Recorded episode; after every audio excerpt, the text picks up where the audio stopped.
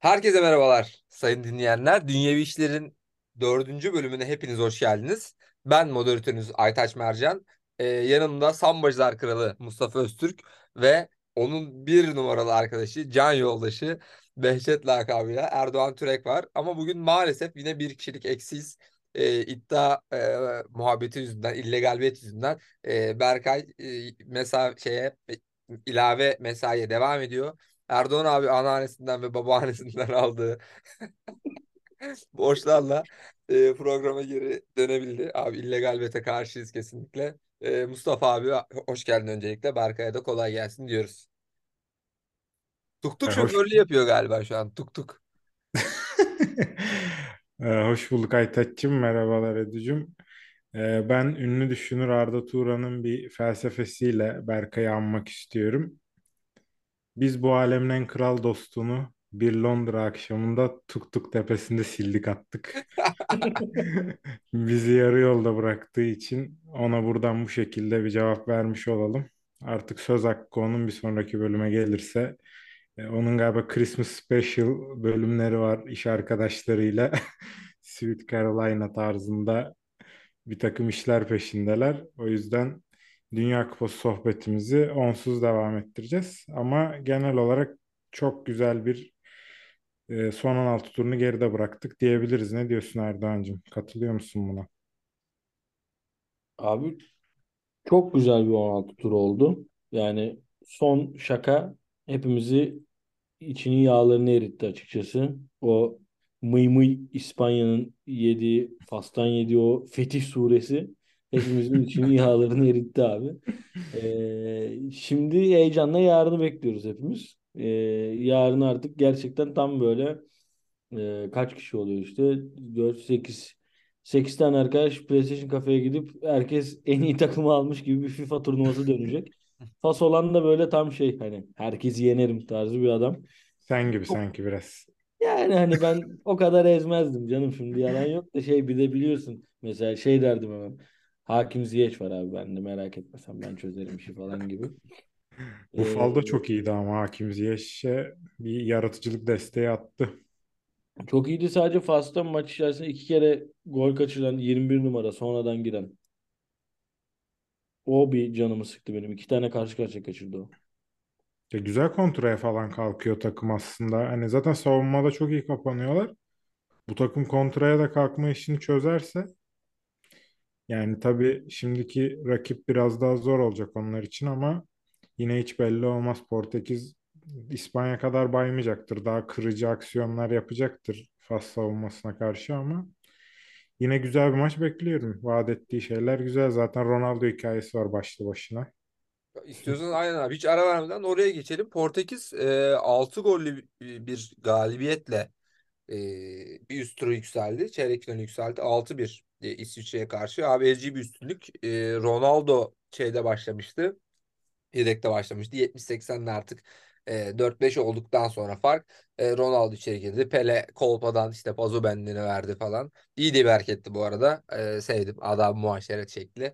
E, Ronaldo'ya da e, kaptanlığını verdi. Ondan sonra Ronaldo bir tane offside'dan e, attı. Ondan sonra bir şeyi var, koşusu var, koşuyu bırakıyor falan. E, Ronaldo için hani gerçekten şey çanları çalıyor. E, artık kariyerin sonuna geldi, çanları çalıyor abi. Ne düşünüyorsunuz İsviçre e, Portekiz maçı hakkında? Ne oldu da hani Portekiz bu kadar e, açıldı 6 golle birden e, son 16'ya damga vurdu Mustafa abi. Ya şimdi öncelikle tabii tercihten dolayı mı bu sonuca varıldı? Gonçalo Ramos'un oynatılması Ronaldo yerine. Ee, biraz o tabii insanların gözünde e, bir numaralı şey oldu. Konu oldu konuşulacak maçtan sonra. Çünkü inanılmaz bir golle kilidi açtı. E, Bütün her şeyi değiştirdi. Çok erken gelen bir gol ve inanılmaz dar açıdan Yann Sommer'e atılan bir gol.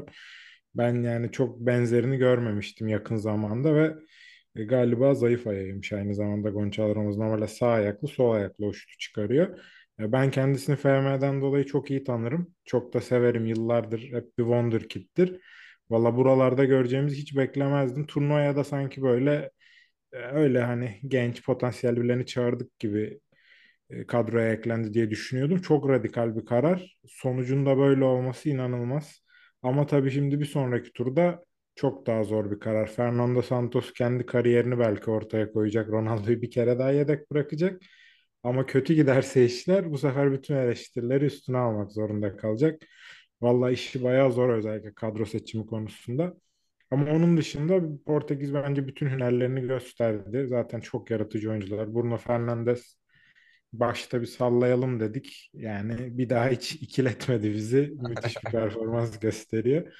Ee, onun dışında savunma hattı olsun. Biraz beklerde değişiklik yapıldı. Yine orada da radikal Cancelo'nun yedek bırakılma kararı var. Ee, biraz zorlu bir e, kadro seçimi ama bence ya Fas olduğu için yine Fernando Santos bir şekilde haklı çıkar Ronaldo'yu yedek bıraksa bile artık yarı finalden sonra Ronaldo mecbur sahaya atılır diye düşünüyorum. Erdoğan abi.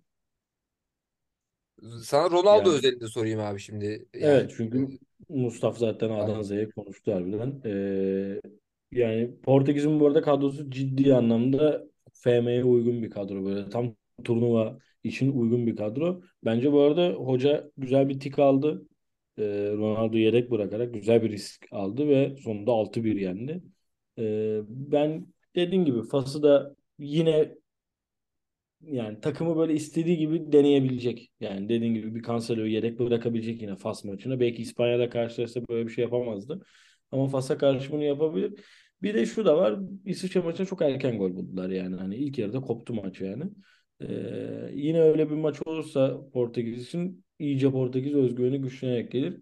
Ronaldo'da önünden geçen topa çok üzüldüm ben de ya adamın. Gerçekten hani hani bayağı yıkım videosu gibi bir şeydi yani. Hani mahvoldum diye paylaşmış hesaplar harbiden öyle. Ee, ben yine Ronaldo'yu bu arada yedek bırakılacağını düşünüyorum. Ee, ve Ronaldo'nun da biraz üzülerek de söylüyorum ki biraz yüzü alıştı bu tribe. Yani böyle itip kakılmaya biraz alıştı Evet. gibi yani. Dünya Kupası'nın başıyla beraber bayağı abimiz çok ödün veriyor kendinden. Ee, olsun ya belki Dünya Kupası alırsa da herkese der ki ben aldım sonuçta susun oturun yerinize der. Gider Katar'a da oturur orada alır yıllık 50-60 milyon eurosunu bakar keyfine. Onu da yani yalanladı falan diyorlar abi ama bakalım ne, ne olacak yani. Yine de çok büyük bir Üç, transfer olacak. yani ilk 5 ligde şu an için oynayacak durumda değil gibi gözüküyor. Şu anki en azından fizik durumu öyle gösteriyor. Evet. Ya bir de bütün gündem onun etrafında döndüğü için yalan haber, doğru haber artık her şey birbirine karıştı. Yani Portekizli oyunculara sorduklarında hepsinin ağzından tek bir cevap çıkıyor. Ronaldo bizim idolümüz. Onun için her şeyi yaparız. O bizi çok destekliyor. Ama işte asparagas haberler devam edecek turnuva sonuna kadar. Ronaldo'yu bir an yakalamasınlar kulübede otururken, yalnız bir köşedeyken direkt Ronaldo takımdan ayrı. Takım seviniyor, Ronaldo sevinmiyor.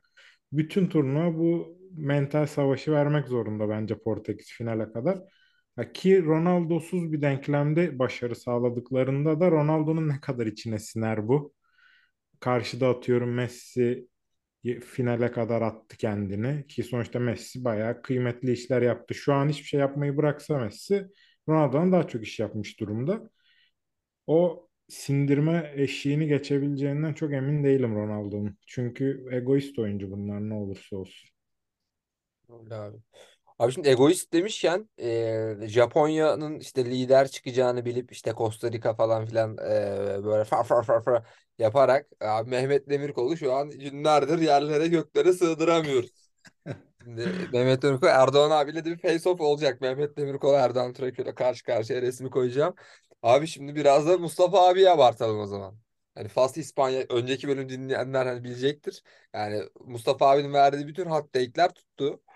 Ee, hani Portekiz farklı olabilir dedi. Fas İspanya'da sürpriz olabilir. Japonya Hırvatistan yine aynı şekilde Brezilya dört gollü sürpriz bir galibiyet dedik. dedik mesela aynen kuponcular. Ee, ondan sonra insanların yüzü güldü cepleri doldu abi. Yani Fas İspanya e, maçına geldiğimizde e, Mustafa abi penaltılara kadar, kadar giden bir maç. Erdoğan abinin dediği gibi İspanya'da böyle sıkıcı bir futbol. Ee, ve penaltılar sonunda gülen tarafta e, Fas oldu. Mustafa abi e, sen ne düşünüyorsun bu maç hakkında? Abi maçın geneli bence şunun bir göstergesi oldu.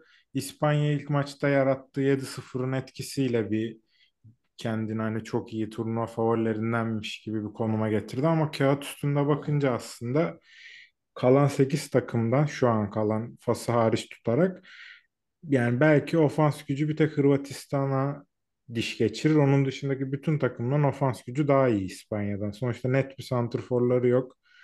Kanat oyuncuları hala tam olmamış isimler. Ee, o yüzden ben yani biraz İspanya'nın insanların gözünde abartıldığını düşünüyorum. Hani Luis Enrique'ye üzüldüm yalan yok.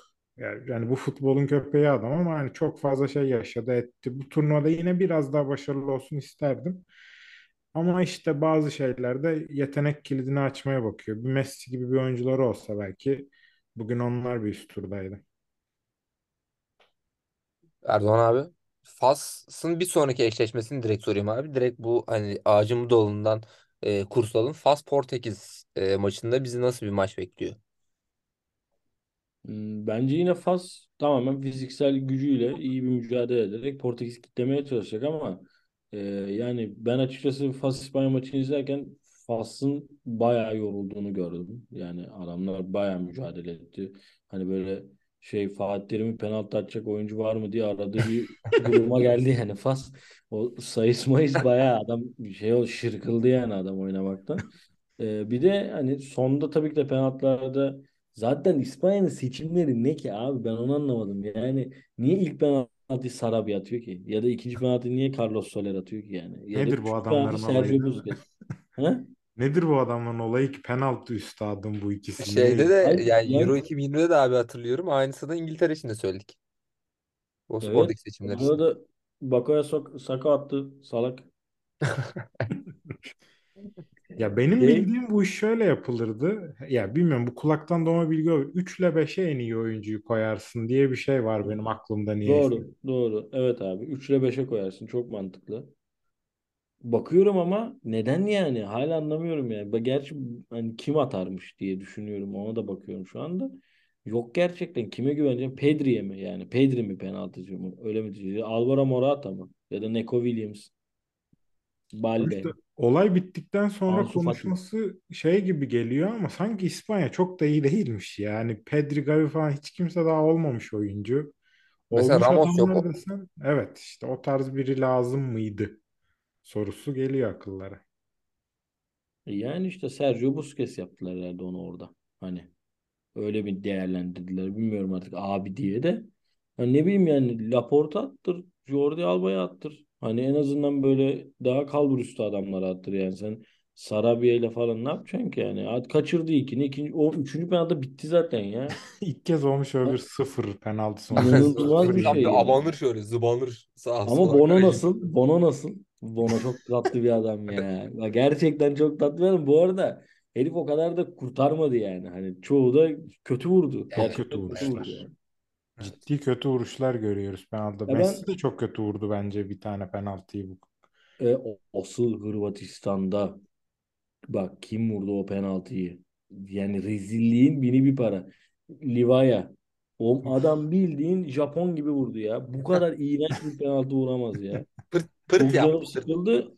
Yine bala şansa geçtiler yani.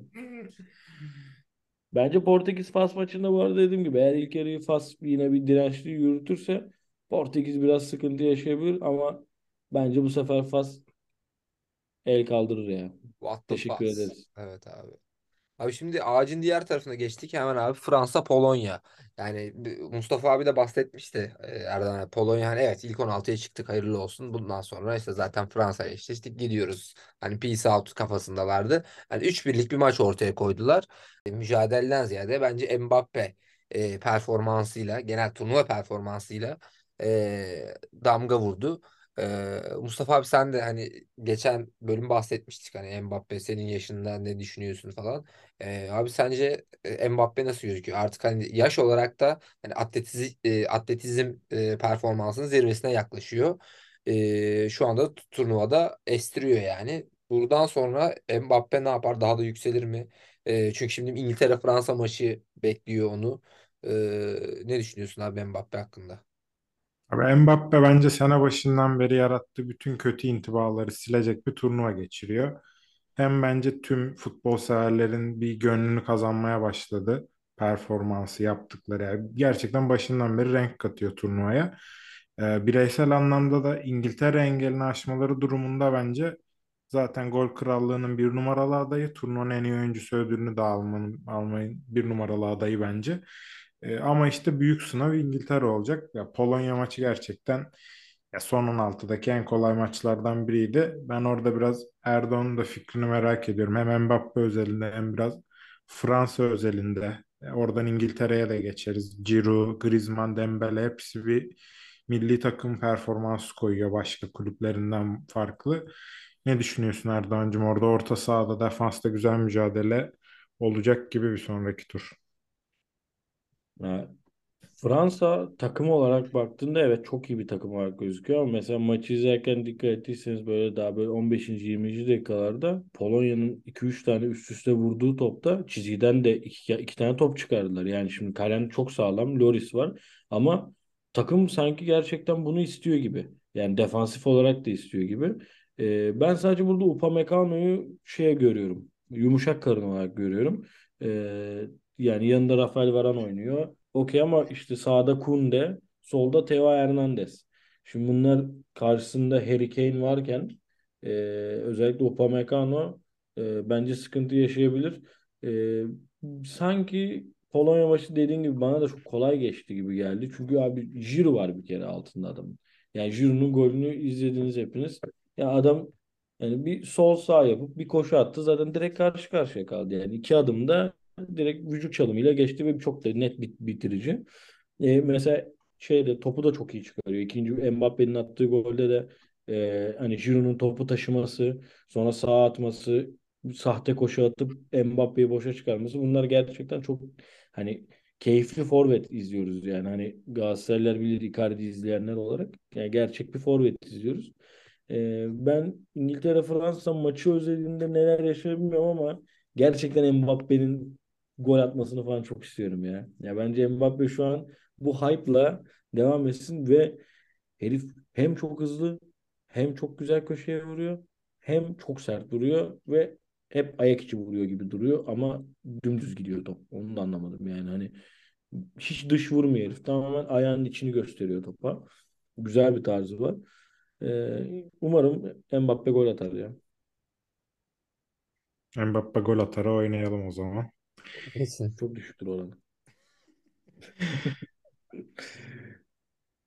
Abi İngiltere Senegal maçı peki 3-0 e, lık bir galibiyet var. E, isabetli şut sayısı Senegal'in gayet düşük toplu oynama aynı şekilde. Yani baskın bir İngiltere e, gördük e, İngiltere Senegal maçında. E, abi Londra merkez e, olarak Mustafa abi sen ne düşünüyorsun maç özelinde? Abi ben açıkçası maçın daha zor geçmesini düşünenlerdendim.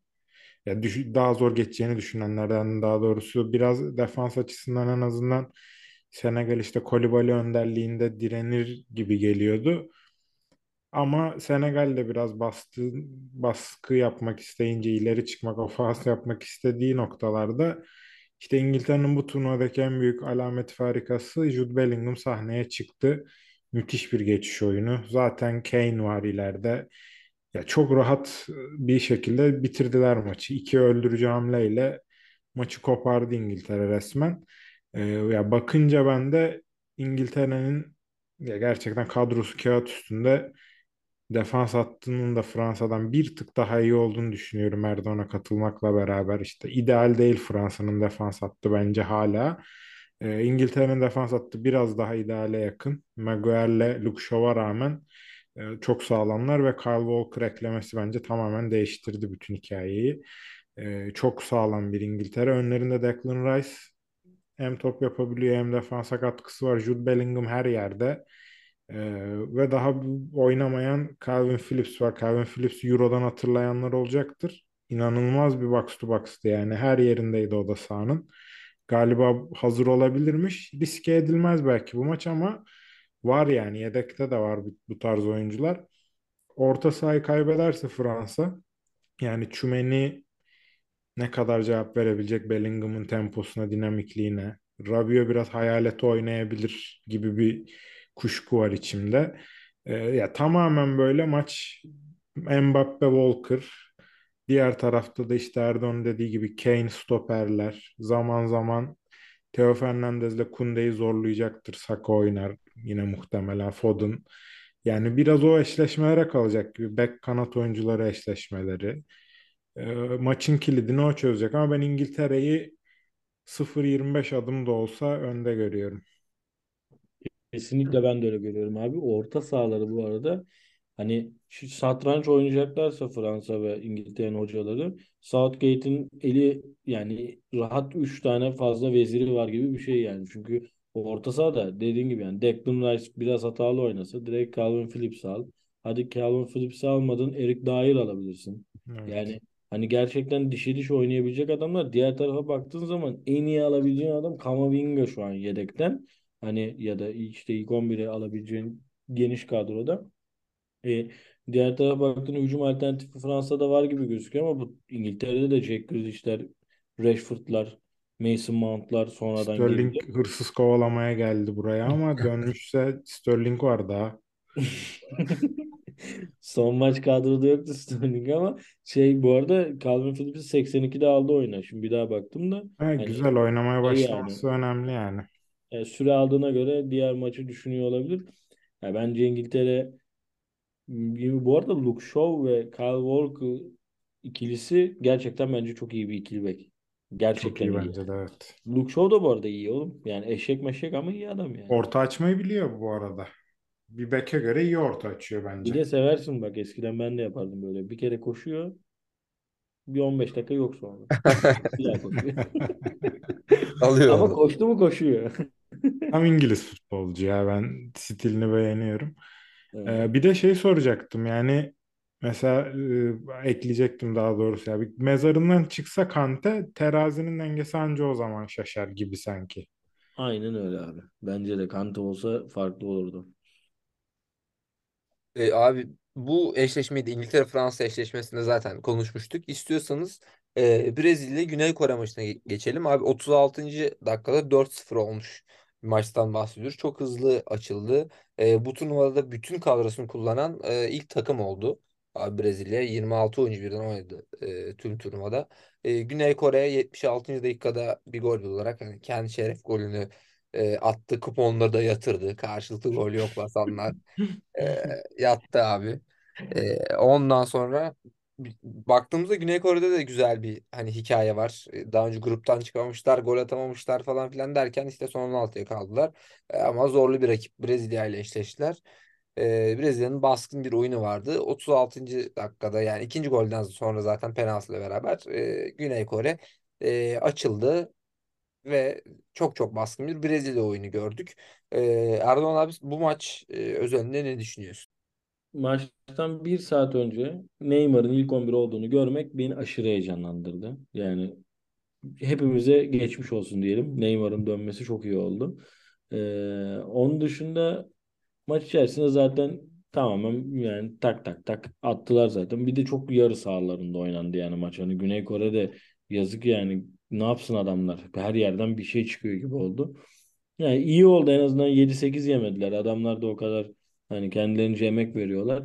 E son bir gol atmaları da güzel oldu. Sonuçta bu Dünya Kupası. Adamlar bir gol bile bütün tribünler seviniyor. Onlar için de iyi bir hikaye oldu. Sadece burada Tite'nin yaptığı hareket güzel. Herkes oynatmak çok harika bir hareket. Bak Muslera Uruguay Gana maçından sonra hakemi dövüyordu adam. Bir dakika bile süre alamadı diye. Sinir krizi geçirdi. Adam 2-0 yenmiş hakemi dövmeye kalkıyor. Ne yapmış olabilir ki hakem yani? yani penaltı mı vermedi? Korner mi vermedi? Yani neye kızdığını anlamadı kimse. Ya bir düşün ama Muslera Uruguay efsanesi bir dakika süre vermedi sana adam. Yani, yani bu kadar aptalca şey mi olur? Bak ne güzel aldı bu Tite. Ama Tite'nin de sıkıntısı abi bu dans beni beni bozdu ya. Bu dans eden şampiyon olamaz abi. Bu FIFA gibi abi. FIFA'da gol atınca avuk sabuk dans ettiriyorlar ya. Tam evet onlar oğlum gibi ya de. şey yaptı ya tamamen R2 yuvarlak yuvarlak yaptı ya. Onun bir adı vardı ya. Sonra Rafael Leao da yaptı. Greedy mi ne diyorlar? Yasaklanacaktı bir ara. FIFA'dan millet o kadar sinir oluyor ki. Galiba NFL oyuncularından mı çıkmış bir şey olmuş o dans. Evet evet aynen şeyde Amerika'dan geliyor abi şeyde e, Gesicki falan var e, Miami Dolphins'de. Bak bu sefer benim bildiğim yerden geldi. Şimdi 20 dakika konuşurum abi. E, NFL'de çok e, ünlü. E, yani biz de idmanlarda falan yapıyoruz yani. Oradan geldi ama gerçekten bence antipatik bir e, dans. Yani sonu gelmiyor. Bir de bir kere güzel. Aynen öyle. Evet. Bir kere güzel. Yeterli. Abi hocanı da alıp yani şey oyna mesela şey cool'luğu yoktu yani bu Real Madrid'in e, Ancelotti'nin 3 tane oyuncusu bir de oyuncularda Camavinga Vinicius'un yanında bir anda böyle eller havada zıplaması vardı ya o video. Hani mesela o çok sempatik bir şeydi. Bu zorlama yani hani tamamen zorlama bir şeydi. Son 16 bir de ya. Hadi tamam hani final Ha, kazan şampiyon ol. evet. İstersen Finalde gol atınca ne yapacak? Richarlison ne yapacak yani? Tite ile şey mi yapacaklar? Twerk mi yapacaklar yani? Richarlison ister de bilmiyorum Tite yapar mı? Evet, abi bu eşleşmenin de bir e, sonraki aşamasına geçelim isterseniz. Japonya-Hırvatistan e, ilk 120 dakikası 1-1 bitti. Daha sonra penaltılara kalan maçta e, Hırvatistan e, 3-1 bir üst tura çıkmayı başardı. E, aslında birbirine çok yakın bir maç gitti. E, işte iki takımın da işte 13-17 şutu var. İsabetli şutlar 4'e 4 e, yakın. Abi aynen J- Japonya Hırvatistan e, maçından sonra da neredeyse Avrupa Birliği gibi bir eşleşme oldu. Ben, hani benim gönlüm Japonya hani bir Asya takımı e, daha bir üst çıksın da ama e, şu an Avrupa dışından yalnızca Arjantin, Brezilya ve e, Fas takımları var. E, Japonya Hırvatistan maçı özelinde ne düşünüyorsun e, Mustafa abi? Erdoğan abi sen de Hırvatistan Brezilya karşılaşması e, hakkında görüşlerini sonra iletirsen süper olur. Abi şimdi e, ben bu maçta sürpriz olacağını düşünerek bir kafamda oynatmıştım. E, beklediğim maça yakın bir maç oldu gerçekten. Hani Japonya'nın e, kompakt kapanması ve azimli bir şekilde hücum etmeleri çok güzel. Ben forvetlerini çok seviyorum. Gol attı o da Daizen Maya da. E, çok beğendiğim bir futbolcu. Celtic'e transfer olmuştu geçen sezon. E, ama yani Hırvatistan ama duran top ama bir şekilde bu maçtan skor alırdı bence. O yüzden hani e, maçın hakkı oldu normal sürede uzatmalarda da. Ama artık penaltı atışlarında işte hem Hırvatistan'ın kalecisi o da iyi bir kaleci Livakovic. Onu da yakın zamanda Avrupa'da e, iyi bir takımda görürüz muhtemelen. E, biraz devreye girdi işte. Biraz da önceki maçta konuştuğumuz gibi kötü penaltı atışları. Yine böyle penaltılarda çok alışık olmadığımız 3-1 gibi bir skorla bitmiş oldu maç. Ee, yani Hırvatistan'ın önü açıktı tabii buraya kadar ama bence. Ee, Brezilya'nın Hırvatistan'ı e, ben rahat bir şekilde eleyeceğini düşünüyorum. Yine bu öngörüde bulunayım. Ne olursa olsun e, ayak uyduramayacaktır. Hani Brozovic isterse 20 kilometre koşsun. Elinde bir elinde sigara, bir elinde o topu. Adam rekoru da kırmış maçta. Yine 16 kilometre cidden acayip bir rakam ama şimdi yanında Modric olunca mecburen taşıması gerekiyor. Aslında birbirini güzel tamamlıyor gibiler. E, Ama bence Brezilya'nın temposuna ayak uyduramayacaklardır. E, Bir noktada gardları düşecek bence. E, Zaten turnuva ağacının bu tarafına hep Güney Amerika tarafı denmişti Arjantin Brezilya'dan ötürü. Yani olağan sonuca doğru yaklaşacağız gibi geliyor bana. Erdoğan abi Hırvatistan Brezilya. Sence nasıl olur? Hırvatistan Brezilya şu an Hırvat oyuncular desen ki 3-0 yenileceksiniz hiç oynamayacaksınız hepsi okeyler. Yani ben o kadar inanmadıklarını düşünüyorum. Bir de şu var yani bu adamlar uzat- uzatma oynadılar yani 120 dakika oynadılar ve e, hoca sadece iki değişiklik yaptı 90 dakika içinde. Geri kalanları 100 ve 105'te yaptı. E, bence bayağı yoruldu ve şöyle düşünüyorum. Modric, Brozovic, Kovacic üçlüsü sabit kalacaktır. Defans da sabit kalacaktır ama hücumda değişiklik yapacaktır. Yani Kramaric'in yanında Petkovic ile başlamıştı. Ee, diğer tarafta da Perisic vardı. Bence Petkovic yine Vlasic ile başlayabilir. Ee, orada bir farklı bir varyasyon oynayabilir. Yani hücumcuyla gitmeyebilir o kadar net Brezilya'nın üzerine. Çünkü Brezilya'ya sen öyle bir oyun oynamayacaksın yani. Hani Evet. sen önce dediğin gibi duran top falan filan kıstırabilirsen o da maçı taşıyabilirsen. Yani sen Vinicius'un koşularını, Neymar'ın koşularını bilmiyorum nasıl durdurabileceksin. Ee, hatta gönlümden farklı bir mağlubiyet istiyorum ben Hırvatlar için. Hani her ne kadar e, son turnuvanın finalisti olsalar da e, son Dünya Kupası finalisti olsalar da yine de artık çok yaşlanmışlar bence. Bir devir kapansın istiyorsun galiba. Modric Tabii bitsin. tabii Re- rezil olsunlar. Çünkü o şeye çok sinir oldum. O Livaya'ya çok sinir oldum yani. Abi izlemeyen varsa açsın o penaltı izlesin yani. Surat ifadesi, bu topa gelişi, kaçırdıktan sonraki bakışı yani tamamen şeydi yani sabote etti yani takımını. Bir de hala Dejan Lovren var abi stoper. Harbi ne bu ya? Hani ne bu ya? Liverpool kurtulalı 5 sene oldu. Hırvatlar hala stoper diye oynatıyor yani. Vida da yedekler arasında. Bazı yerleri çok iyi değiştirdiler işte. Guardiol falan ufak ufak yetişti geldi. Ama mesela forvet ya Mandzukic müthiş bir forvetmiş. Bence onu çok arıyorlar. Dediğin gibi mesela Petkovic hiç alma yarı değil. Diye Thiago Silva donumunu sallar onun. Hiç yer bitirir yani. Ee, biraz zor olacak işleri bence. Hareketlilik lazım ama kim nasıl alacaklar? Perisic desen o da yaşı var. Bilmiyorum yani. Evet abi ya dediğin gibi yaşını başına almış bir takımdan bahsediyoruz. Ee, biraz da şimdi yaşını başına almasına rağmen terbiyesiz milletin armasını bayrağını sömüren bir adama geleceğiz şimdi. Biraz bekle, beklesinler. Ee, Ümit Hocam hatta galiba. Alo Ümit Hocam. Abi şey şimdi turnuva kısmını bitirelim. Ee, şeyler tüm eşleşmelerden bahsettik zaten. Arjant Hollanda kısmı zaten bir önceki bölümde e, bahsetmiştik. E, dediğim gibi güzel bir çeyrek final bekliyor. Yine e, birkaç sürpriz maç. E, işte erken bir final var vesaire. Abi şimdi yaşına başına almış bir adam demiş ya. Şimdi biz Mustafa abiyle bir, bir tık salladık ama şimdi bak Berkay'ın eksikliği e, kötü oldu buradan. Dört ağızdan sallardık. Şimdi Erdoğan abi, Erdoğan abi de e, iyi sallayacaktır. Ki son sallamanın üzerine neler neler oldu. Abi kimden bahsediyorum? Tabii ki de yuvasına dönen bir isim. Onlar buluşuyor. Alex de Souza. Abi Alex de Souza ya açıklamaya gerek yok. Yani bir bet reklamında oynadı. Ondan sonra Brezilya Serie B ile imza attı. Ee, bir de duyduğum kadarıyla yani dedikodulara göre verdikleri ücrette 10 bin dolarmış. 10 bin dolarlık bir reklam için e, böyle bir şey yapmış.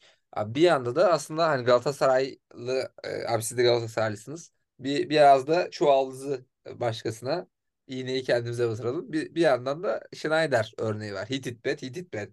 Hititbet Ankara şey yer. O da o da şeyci. O da illegal betçi. Erdoğan senin görüşlerini hiç almadık, alamadık bu konuda. E, abi Alex özelinde daha sonrasında Schneider özelinde ne düşünüyorsun? Abi gerçekten Alex'in attığı tweette hani tüm saf duygularla herkes Alex'i Türkiye'ye geliyor sandı mantıken yani. Hani en kötü işte Gençler Birliği'ne falan geliyor sandı yani bir şey zannettik. Ya adam hem bet attı hadi onu da anlayışla karşıladık. Adam Seri B'ye imza atmış ya. Hani Hocam senin yani sen ki lakabın senin profesör ya. Sen profesör bir adamsın ya. Ülkede böyle bir 251 maçta 251 gol artı asist katkısı yapmış bir adamsın sen Türkiye Ligi'nde. Yani inanılmaz her maçta bir gol asist ikisinden birini yapmış bir adam. E, bence şöyle bir kariyer yolu seçmeliydi. 10 bin dolar şeyden alacağına bet sitesinden. Yani gelip Jorge Jesus'un yanında otursaydı yani ve bayrak yarışı gibi devralsaydı Ali Koç da bu sefer elin Portekizlisi değil elin Brezilyalısı derdi Alex'e seneye. Bence gayet güzel 3-5 sene götürdü Fenerbahçe'yi. Rezillik. Rezilliğin bini bir para şu an yaptığı. Umarım takımda da hiç başarılı olamaz. Umarım Türkiye'ye de gelemez. İnsanların böyle duygularıyla oynanmaz abiciğim. Ben bile heyecanlandım yani. Bir de tweet atmış işte uzak olsak da yürekler beraber lan hadi lan. Lan Aziz Yıldırım e, 2015'te şeyde atmıştım abi size de atmıştım demiş ki 100 lira 100 dolar alacağı için takla atar diye.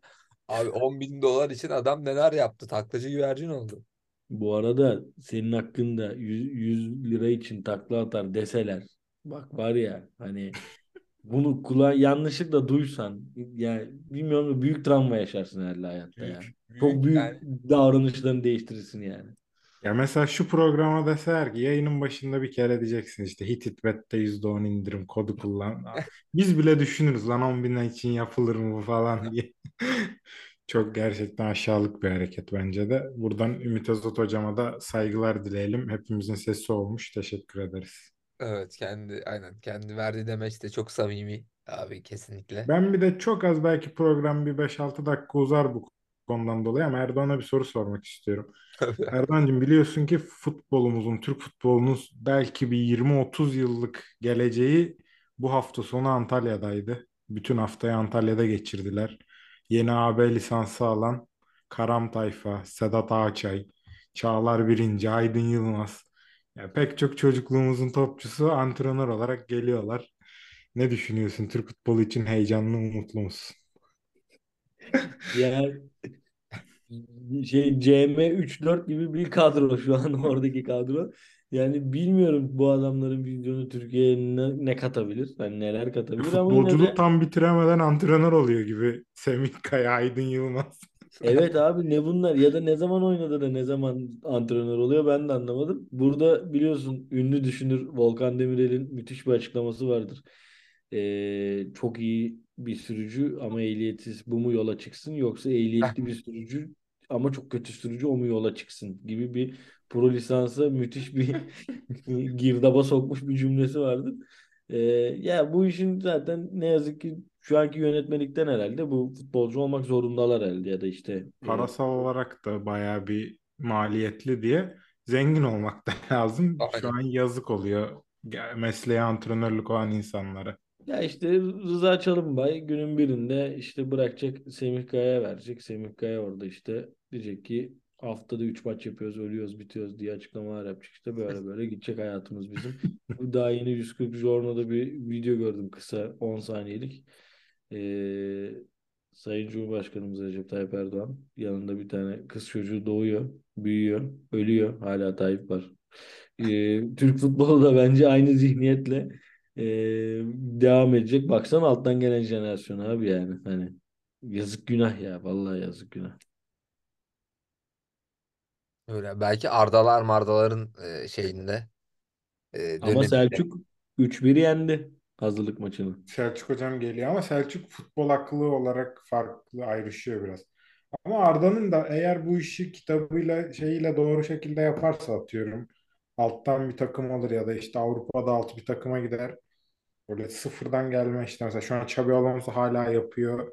Riera yapıyor ya güzel bir şekilde bunu. Hı hı. Umut veriyor bunlar. O şekilde yaparsa bence sempatisini kazanabilir insanların.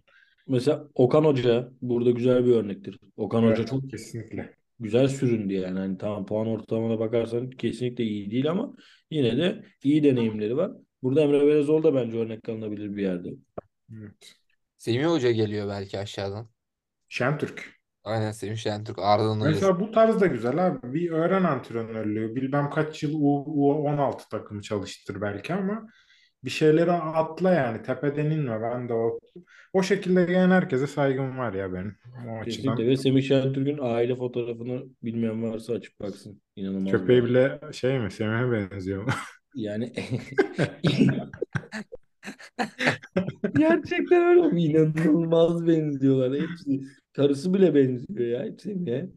İnanılmaz. Süper Lig'i özlemişiz ama buradan onu anlıyoruz. Evet Bir abi kaymağı yememiz lazım.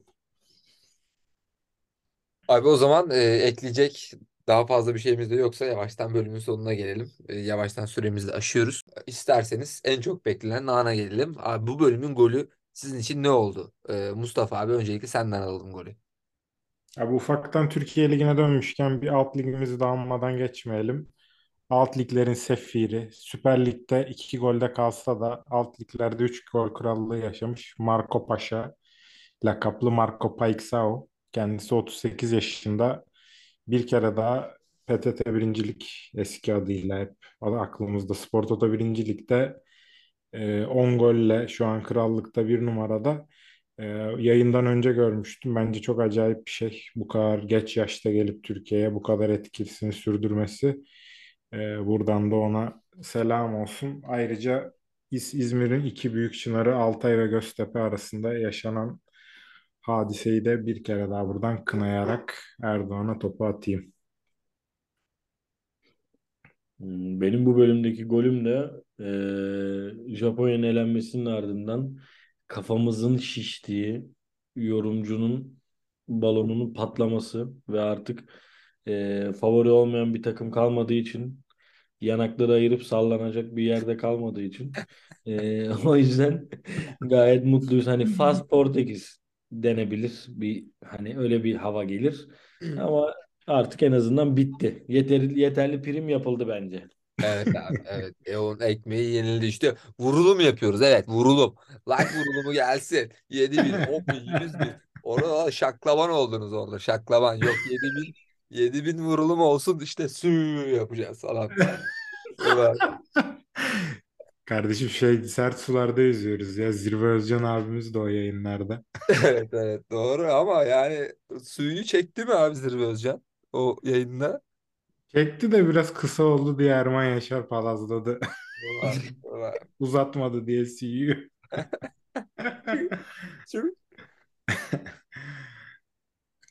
Valla şeye, şeye çevirdiler ya. Big Olay'a çevirdiler abi. TikTok canlı yayına çevirdiler. İşte yok alev atın, yok gül atın. İşte araba atarsanız suyu çekeceğiz. Ama bak bugün güzel iki gündür galiba bağış topladılar. Onu güzel düşünmüşler. Dünya Kupası arası şeye bağışa çevirmişler. Orada bir sağlam para toplandı galiba. Bir sokak hayvanlarına bir de lösemili çocuklara. Buradan da kardeş kuruluşumuz S harfiyle başlayan dergiye herkesi izlemeye, bağış yapmaya davet edelim.